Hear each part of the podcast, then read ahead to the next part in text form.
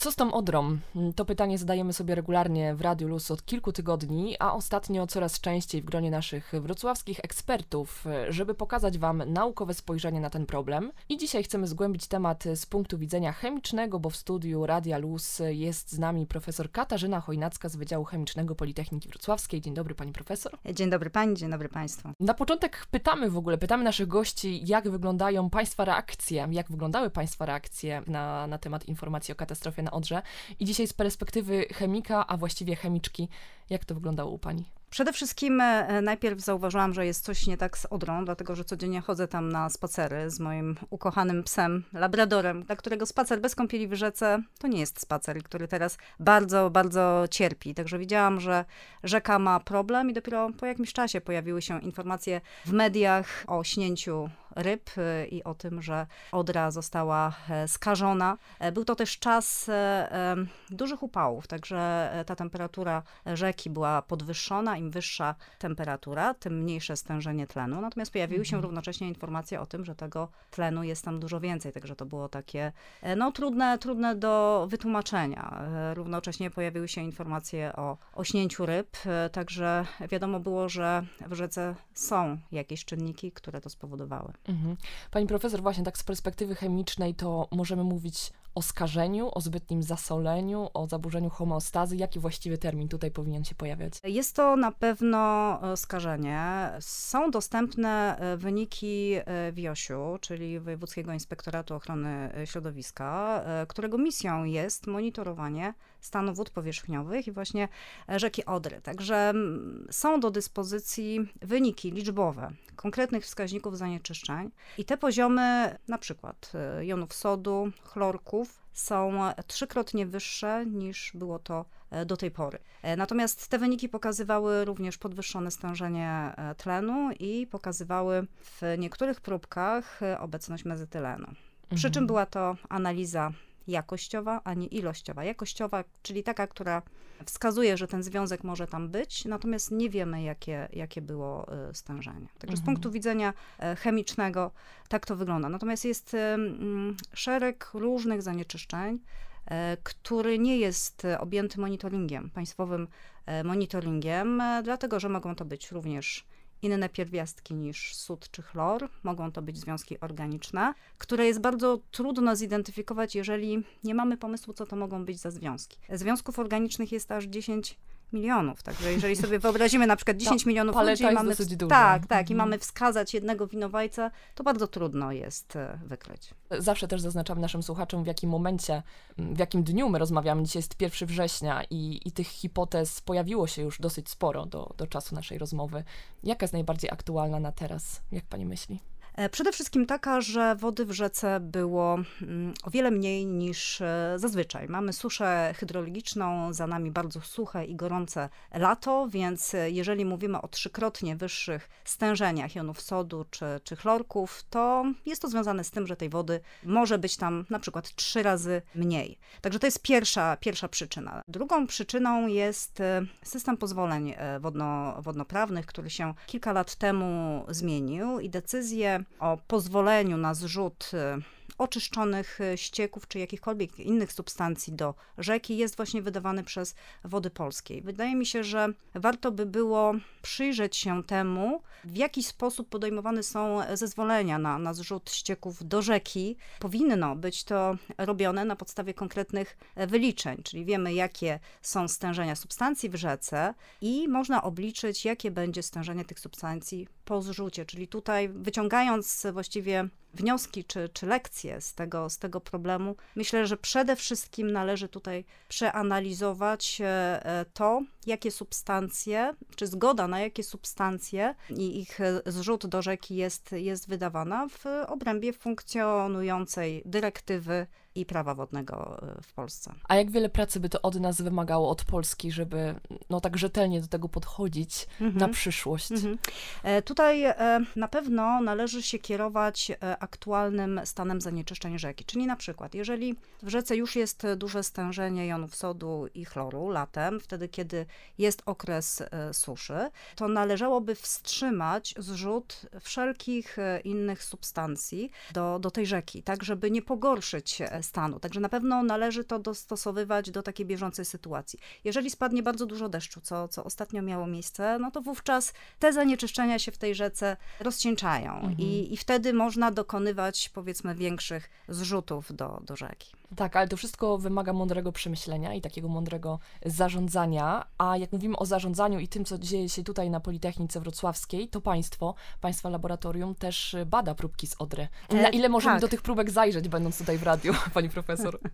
tak, my jak się tylko dowiedzieliśmy, że, że rzeka jest e, skażona, e, pracujemy w laboratorium chemicznym analiz wielopierwiastkowych, czyli możemy analizować stężenie prawie wszystkich e, pierwiastków, także tak zupełnie spontanicznie tutaj na bulwarach Politechniki podeszliśmy poszliśmy do rzeki, pobraliśmy próbkę i tak we własnym zakresie wykonaliśmy e, oznaczenie. I o ile w przypadku pierwiastków czy, czy jonów nieorganicznych sytuacja jest prosta, bo można je wykryć, o tyle w przypadku związków organicznych jest, e, jest trudniej. Natomiast z czasem zaczęły się do nas zwracać e, różne instytucje państwowe, samorządowe, również ludzie prywatni, którzy pobierali próbki wody wtedy, kiedy ta toksyczna fala przechodziła przez Wrocław. Także dysponujemy dysponujemy różnymi wynikami badań, mamy pewne hipotezy, natomiast te badania cały czas e, e, trwają i zanim nie będziemy mieli jednoznacznych e, wniosków, no nie będziemy mogli ujawnić mhm. tych, tych wyników. Niestety, drodzy I, słuchacze. I A pewno, czy te wnioski mogą zaskoczyć? No myślę, że tak. Na pewno zanim, że tak powiem, światło dzienne ujrzą te, te wyniki, będziemy pokazywać je tutaj władzom uczelni i będziemy się zastanawiać, co dalej z tymi wynikami możemy zrobić. Także to na pewno nie zostanie przez nas ujawnione tak, tak po prostu opinii e, publicznej. Wiemy, że temat jest e, bardzo, tutaj musimy dużą ostrożność e, zachować. Tak. Pani profesor, przyznała Pani, najpierw rozmawiałyśmy o tych związkach organicznych, potem o tych nieorganicznych, że je jest stosunkowo łatwo zbadać, jak ktoś chce. Związki nieorganiczne można łatwo zbadać. E, taką aparaturę, jaką my dysponujemy, dysponują również wszystkie laboratoria e, w Josiu, GIOSiu, to Centralne Laboratorium e, Głównego Inspektora Ochrony Środowiska, dysponują sanepidy i MGW, to są po prostu spektrometry plazmowe, sprzęt, który można oznaczyć stężenie 85 pierwiastków. To jest prawie cała tablica Mendelejewa, jeżeli Państwo mhm. pamiętacie, co to jest tablica Mendelejewa. Natomiast ze związkami organicznymi jest bardzo duży kłopot, dlatego że e, związków organicznych zidentyfikowanych i opisanych jest aż 10 milionów. I teraz, jeżeli nie wiemy, który to jest e, związek, to bardzo trudno jest e, wskazać, jaki konkretny związek występuje w tej, w tej rzece. Mamy pewne hipotezy, jakie, jakie to mogą być związki, ale żeby móc je oznaczyć ilościowo, no nie chcę tutaj opowiadać o meandrach e, analityki organicznej, ale musimy dysponować e, wyspecjalizowanymi kolumnami do chromatografów, robi się to techniką chromatografii gazowej, cieczowej. Musimy posiadać wzorce e, danego związku, któregoś z tych 10 milionów, natomiast jest to wykonalne, tylko potrzeba czasu. I w mojej ocenie to, że cały czas nie wiemy, co to jest za substancja, jest właśnie związane z trudnością w analityce organicznej, tym, że nie tylko polskie, ale również europejskie przepisy prawa nie uwzględniają obecności nietypowych zanieczyszczeń w rzekach. Te zanieczyszczenia, które typowo się bada, jest to HZT, BZT, czyli chemiczne i biologiczne zapotrzebowanie na tlen, są to związki azotu, fosforu, zasolenie, temperatura, pH i to tyle. Natomiast znajduje się tam o wiele więcej różnych e, zanieczyszczeń. Te podstawowe zanieczyszczenia są badane dlatego, że każda analiza kosztuje i gdybyśmy mhm. mieli za każdym razem sprawdzać obecność 10 milionów związków, mhm. nikogo nie byłoby na to stać. Tak się Państwo zbierają tak w swojej grupie badawczej, to robią Państwo jakiś szereg związków, od czego zaczniemy, do czego potem przejdziemy, debatujecie razem, jak to wygląda? Jest e, robiony tak zwany przegląd widma, jeżeli nie wiemy, co, co znajduje się w próbce i wtedy tak sprawdzamy, co może tam się znajdować i tak jak w takim typowym śledztwie stopniowo zawężamy listę podejrzanych. No i ten podejrzany zostanie ujawniony, na razie nie możemy jeszcze o tym mówić głośno niestety, drodzy słuchacze, ale ja sobie tak też przeglądałam różne informacje, które krążą w sieci, cały czas pojawiają się jakieś wywiady, jakieś nowe, nowe hipotezy i mówi się o dużo o tym wtórnym zanieczyszczeniu Odry w nadchodzącym roku, kiedy wszystkie elementy biomasy zaczną się rozkładać i te mm -hmm. jony będą mm -hmm. uwalniane powoli mm, do wody na nowo. Czy to jest rzeczywiście rzeczywiście realne zagrożenia? Tak, przyroda nie znosi próżni i jeżeli mieliśmy do czynienia z masowym e, śnięciem ryb, to w tym ekosystemie pojawiła się luka dla nowych organizmów i sukcesja kolejnych gatunków. I to się właśnie teraz dzieje i z tym związana jest eutrofizacja, która następuje dlatego, że no nie wszystkie ryby zostały wyłowione, pomimo że bardzo, bardzo wiele ton, nie wiem jakie są ostatnie informacje, 130-150 ton ryb zostało wyłowionych, to całe mnóstwo tych ryb rozkłada się na dnie i wówczas uwalniane są związki azotu, fosforu, wszystko to, co w tych rybach się znajdowało. Jest to znakomitą pożywką dla wzrostu alg, dla eutrofizacji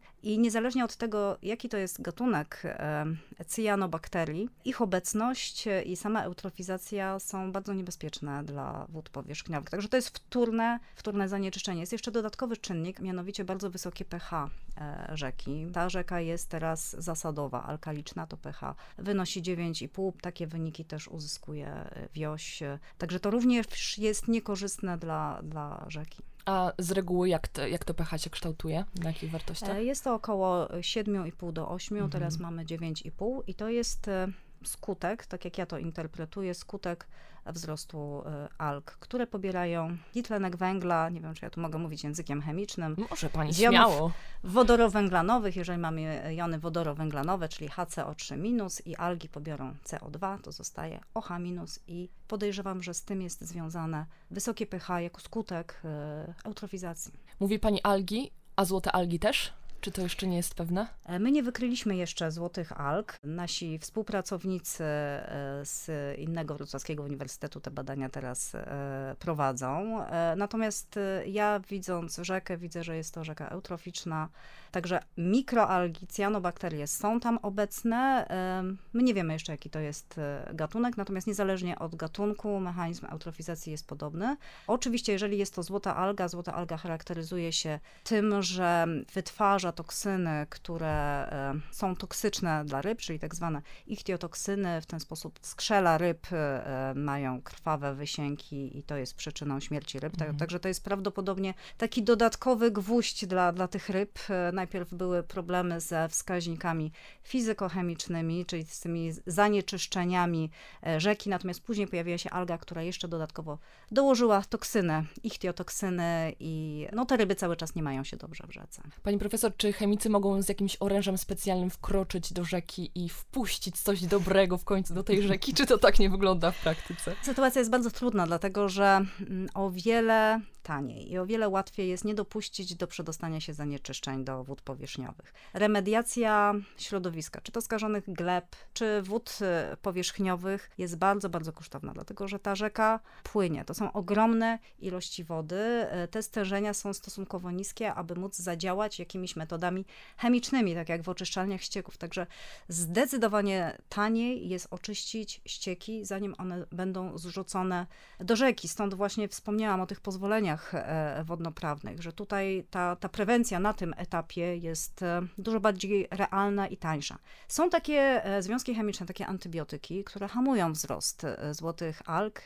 Sprawdzałam w literaturze naukowej, są opisane konkretne, konkretne substancje, którymi można by było zabić te algi. Natomiast jeżeli bym pomyślała o kosztach, mhm. kolejnych już trzeciego stopnia skutkach skażenia rzeki, jeżeli takie substancje by zostały Bo to jest cała kaskada wtedy uruchomiona, prawda? Tak, tak. Myśmy mhm. się też e, zastanawiali nad usunięciem e, fosforu, co, co można e, zrobić wprowadzając na przykład siarczan żelaza, wówczas można strącić fosforan żelaza, który jest inertny, można spróbować go wydobyć potem z dna, natomiast dotarłam do takich artykułów naukowych i to pokazuje, jakie mechanizmy adaptacyjne ta alga wykształciła. W sytuacji deficytu fosforu alga wytwarza jeszcze więcej toksyn i wtedy jeszcze więcej organizmów obumiera, więc ona sobie w ten sposób, tak mówiąc kolokwialnie, organizuje ten fosfor. Jest to dodatkowo alga miksotroficzna, czyli taka, która może rosnąć tak jak roślina, bądź tak jak zwierzę, czyli albo prowadzi fotosyntezę, albo wzrost heterotroficzny. Bardzo duże właściwości adaptacyjne ma. Także może się tak zdarzyć, że Problemy alg zawleczonych, czyli takich, które pochodzą z innych warunków klimatycznych, można trochę dłużej zagościć w rzece. I trochę zmienić tą rzekę. Tak, jest tutaj pewna szansa, że może zima pomoże, jeżeli byłaby zima Zimą mroźna. prawdziwą. Tak, natomiast algi wytwarzają różnego rodzaju formy przetrwalnikowe i ona może być uśpiona zimą, natomiast może się zreaktywować na wiosnę. Zresztą ta konkretna alga ma dosyć szeroki zakres temperatur, w której rośnie, niestety. A jak to jest z tymi związkami, które wpadają e, do Odry normalnie, już poza kryzysem, odsuwając na chwilę sytuację mhm. kryzysu? Mhm. Bo tutaj chemicy chyba też mają na co patrzeć i co analizować, jakby tak zbiorczo rzeczywiście wziąć próbki konkretne mhm. z naszej. Odry. E, rzeka Odra jest e, rzeką słoną czyli występują w niej no, w sposób naturalny podwyższone stężenie jonów sodu i, i chlorków, czyli to, co mamy w soli kuchennej. I jeżeli jest taka sytuacja, że jest susza, no to tej soli jest więcej. Jeżeli dodatkowo w wyniku e, działalności przemysłowej, no różne słone wody, różne solanki są zrzucane, to to jest tak, jakbyśmy e, gotowali zupę, która już jest przesolona i jeszcze byśmy ją dodatkowo przesolili. No to ta, taka, taka mhm. sytuacja tutaj e, miała miejsce i dlatego właśnie wydaje mi się, że taką lekcją mogłoby być takie uelastycznienie tego, e, kiedy można dokonywać zrzutu różnych substancji do rzeki, po to, żeby żeby chronić te organizmy, które tam e, żyją. Rzeka ma oczywiście e, pewne możliwości samo, samooczyszczania, natomiast e, jeżeli tych zanieczyszczeń, ładunek zanieczyszczeń jest zbyt duży, to ten ekosystem ma problem, żeby się odnowić. Dlatego no, obserwujemy to, co obserwujemy teraz. A czy są jakieś sprytne rozwiązania, może gdzieś za granicą, albo naukowcy z innych krajów mówią, co się u nich sprawdza i co można by zastosować w ogóle w szerszej perspektywie, jeśli chodzi o Odrę? Przede wszystkim prewencja, przede wszystkim bardzo rozważne wyliczanie tego, jak zrzut konkretnych zanieczyszczeń może wpłynąć na stan rzeki. I tak jak powiedziałam, to można, to można policzyć, to nie jest e, trudne i przede wszystkim zapobieganie zrzucaniu tych zanieczyszczeń. Obecne rozwiązania technologiczne powodują, że praktycznie każda produkcja, każdy zakład przemysłowy może pracować w obiegu zamkniętym wody. Wszystko jest mhm. kwestią kosztów, także przede wszystkim zakłady przemysłowe powinny budować oczyszczalnie na miejscu, tak aby nie dopuścić do wydostania zanieczyszczeń do wód powierzchniowych, bo skutki skutki są bardzo poważne, jak widzimy prewencja, tak jak prewencja chorób ludzkich, nie chcemy doprowadzić do choroby, lepiej się wcześniej badać, tak, tak samo powinniśmy do, podchodzić do środowiska. A jakie substancje nigdy nie powinny się znaleźć w rzece, pani profesor? No, nie powinny się znaleźć w rzece e, ropopochodne e, związki hydrofobowe, dlatego że one działają w ten sposób, że powlekają powierzchnię wody bardzo cienką e, warstwą. Jeżeli, no możecie Państwo zrobić sobie takie doświadczenie, bierzecie szklankę czy mis, miskę wody, wlewacie tam troszkę oleju, łyżkę oleju i możecie zaobserwować, że ten olej się tak w miarę równomiernie rozłoży bardzo cienką warstwą po powierzchni wody wody. I to mogło zdarzyć się e, w rzece i ta taka bardzo cienka warstwa substancji hydrofobowych powoduje zaburzenia w e, wymianie gazowej, czyli w e, transporcie tlenu, transporcie ditlenku węgla, także to jest taka, taka bariera. Także takie substancje absolutnie nie powinny być zrzucane do rzeki, one powinny być na miejscu, czyli in situ, w miejscu e, ich powstania powinny być oddzielane. Są metody flotacji, są różnego rodzaju dostępne technologie, aby e, w zakładach przemysłowych je odzyskać. Mam nadzieję, że ci tam na górze, którzy decydują, będą mieli szansę posłuchać naszej rozmowy i trochę się nią pokierować, żeby tą prewencją przede wszystkim w swoim działaniu się kierować, właśnie mówiąc o kierowaniu. A jeszcze jeden wątek mi przyszedł do głowy, bo mm, dużo się mówi o tym, żeby też zapobiegać temu, żeby te szkodliwe związki nie osadzały się na dnie. Ile w tym jest prawdy, tak? Żeby tak mhm. dbać o to, żeby to cały czas było w tym wirze rzecznym, a nie zostało na dnie, no bo jak zostanie na dnie, to, to będzie źle. Mhm. E, to, co znajduje się na dnie rzek czy jezior, jest to efekt e, no, na przestrzeni wieków e, sedymentacji, czyli osadzania się różnego rodzaju biomasy, która w tej rzece rosła. Także będzie bardzo trudno zapobiec ogólnie osadzaniu się takich osadów przydennych. Można spróbować te osady przydenne zbierać. Są dostępne maszyny, jest to oczywiście bardzo kosztowne, także być może rzece by to bardzo pomogło, natomiast nie jestem pewna, czy bylibyśmy w stanie udźwignąć koszty wydobywania osadów przydennych.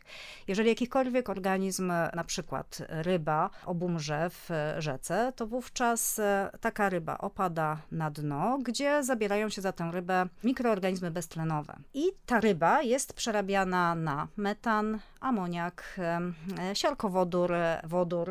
Te substancje w sposób naturalny dyfundują przez wodę do powietrza atmosferycznego. To się dzieje e, zupełnie, zupełnie przy dnie. Także my nie zahamujemy powstawania tych e, osadów przydennych. W momencie, gdy rzeka jest rzeką przeżyźnioną czy eutroficzną, inaczej, wówczas tych osadów dennych będzie znacznie więcej. Tą sytuację teraz obserwujemy. Także jeżeli są jakieś jeziora, tutaj bardzo problematyczny, wiem, że jest Bajkał, tam jest bardzo, bardzo duży problem i myślę, że można by było rozważyć jakąś remediację Bajkału, na przykład poprzez e, wydobycie części osadów przydanych, czyli tego mułu, który się osadza. Można również, co jest, e, wydaje mi się, że wykonalne, zebrać e, rośliny wodne, które rozwijają się na powierzchni, czyli na przykład bardzo bujnie teraz Bajkał i rzeka porasta rzęsą wodną. Rzęsę jest bardzo łatwo wyłowić, a jeżeli wyłowimy rzęsę, to również zmniejszymy ładunek azotu i fosforu, czyli zmniejszymy ten potencjał do eutrofizacji rzeki. Także są, są pewne metody, natomiast każda metoda kosztuje. Pieniądze. Pieniądze tak. zawsze to jest wątek, który wraca w wielu rozmowach, a w tych rozmowach o Odrze wyjątkowo. Pani profesor, czy naukowcy są wystarczająco wysłuchiwani? Ha, to jest e, bardzo, bardzo trudne e, pytanie. My słyszymy w mediach e, bardzo wiele wypowiedzi, natomiast mi osobiście brakuje konkretnych danych, które są nam przekazywane jako naukowcom. Bardzo dużo informacji dały mi wyniki analizy WIOŚ-u, czyli te dane monitoringowe. Te dane zostały udostępnione przez WIOŚ na, w odpowiedzi na zapytanie Polskiego Związku Wędkarstwa. Dzięki temu widzimy, patrząc się na konkretne dane liczbowe widzimy, jaki jest problem, jakie są, możemy zinterpretować e, przyczyny i pomyśleć, w jaki sposób można by było usuwać skutki e, tego, tego skażenia. Także tutaj no, brakuje nam konkretnych danych, żeby można było w sposób kompleksowy podejść do, do problemu odry. I rzetelnie się na ten temat wypowiadać, a nie tylko emocjonalnie. Tak. I tutaj postawmy kropkę. Czy słuchacze powinni życzyć powodzenia i trzymać kciuki za wasze badania tutaj w kwestii odry na Politechnice? Myślę, że słuchacze powinni trzymać kciuki za odrę, za ryby i za to, żebyśmy wyciągnęli właśnie lekcje z, z tego bardzo trudnego e, przypadku, żebyśmy wiedzieli, co robić e, następnym razem, gdy czy jakaś inna rzeka, czy w e, kolejnych latach takie problemy będą się pojawiać. Tutaj trzeba opracować sposób postępowania, właśnie przede wszystkim nałożyć obowiązek na tych, którzy generują zanieczyszczenia, aby mieli u siebie alternatywne, czy zbiorniki retencyjne, czy sposoby na e, oczyszczanie tej wody. Na przykład e, jony nieorganiczne można usunąć skutecznie metodą odwróconej osmozy i taki proces mógłby być awaryjnie uruchamiany wtedy, kiedy nie można zrzucać do rzeki zanieczyszczeń. Pani profesor Katarzyna Chojnacka była gościem w Akademickim Radiu Luz. Bardzo dziękuję i mam nadzieję do usłyszenia, do zobaczenia niebawem, jak te wyniki będą już oficjalne i będzie można je skomentować. Dzięki bardzo. Dziękuję bardzo.